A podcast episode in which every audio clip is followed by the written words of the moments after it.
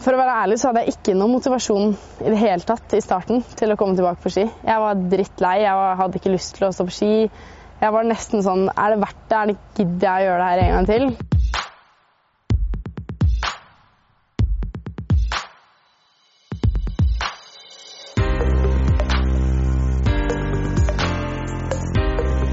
Det var ikke sånn superbehagelig å ta på støvlene i dag. Jeg kjente det. Det er lenge siden jeg har hatt på meg de stive skoene. Men noe som er veldig positivt, er at sist, etter siste kneoperasjon og når jeg var tilbake på ski da, så var det veldig vondt å sette på seg bindingene. Og det var det ikke i dag. Fy søren, jeg gleder meg til å bare cruise nedover her nå. Åh.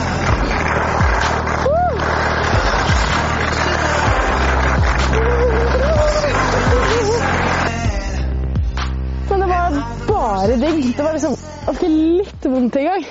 Nå er vi i gang!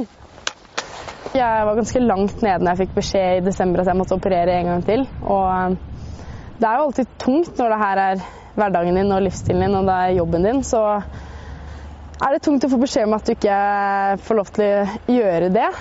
Jeg, kan, jeg står jo her og sier at jeg har lyst til å komme til OL.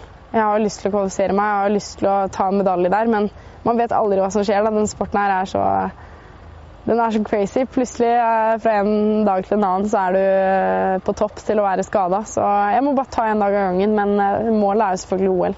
Jeg mista jo OL i Sotsji i 2014 pga. korsbåndskade. Jeg var så skuffa. Goffaen min har vært i OL, og det er liksom litt sånn spesielt, da. Og jeg har veldig lyst til å, å følge hans fotspor og gjøre det enda bedre enn han gjorde det der. da. Så jeg tror det er bare viktig å ta en dag av gangen og ikke tenke at rehaben er ferdig enda, for det er fortsatt mye å gjøre der.